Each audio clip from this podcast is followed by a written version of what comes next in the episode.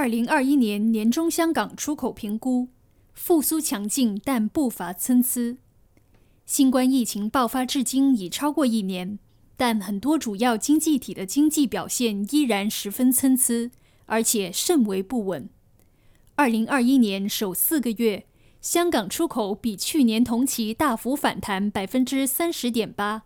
国际贸易也在二零二一年第一季强劲增长百分之十。最新的香港贸发局出口指数为四十八点七，与二零二零年第一季的历史新低十六相比，出现大幅回升，显示出口商对各主要行业和各大市场的观感持续改善。鉴于市场情绪改善，而且出口表现强劲。香港贸发局经贸研究已调整2021年出口增长预测，从百分之五上调至百分之十五，但是比较基数偏低。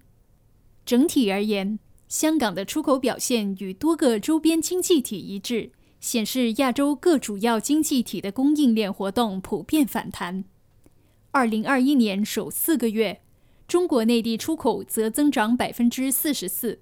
日本增长百分之十三，韩国百分之十九，台湾百分之二十八。各主要供应链经济体恢复生产，对原材料和中间产品的需求也随之增加。二零二一年首四个月，香港最终消费品出口比去年同期增长百分之三十二，原材料和半制成品出口则增长百分之四十一。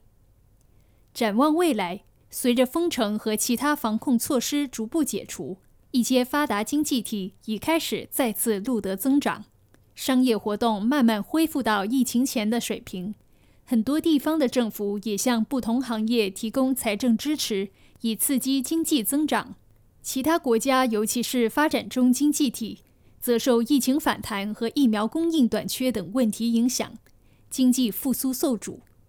如今。除疫情的负面影响外，很多发展中经济体还可能要承受全球金融条件收紧和外部需求波动等额外挑战。在香港各主要出口市场中，中国内地是第一个从疫情中恢复过来的主要经济体。内地在2020年录得百分之二点三的生产总值增长，是全球少数录得增长的经济体之一。而这种上升势头可望持续。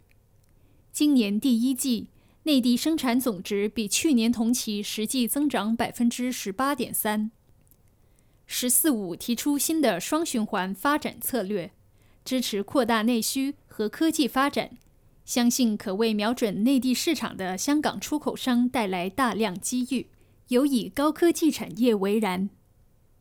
至于美国方面，随着各项设施重新开放，加上政府发放缓助金，成功刺激消费需求，提升商业信心。最近的香港贸发局出口指数调查显示，美国市场的出口指数连续上升四个季度，从二零二零年第二季的三十九点三上升至今年第二季的四十九，仅略低于五十的分水岭。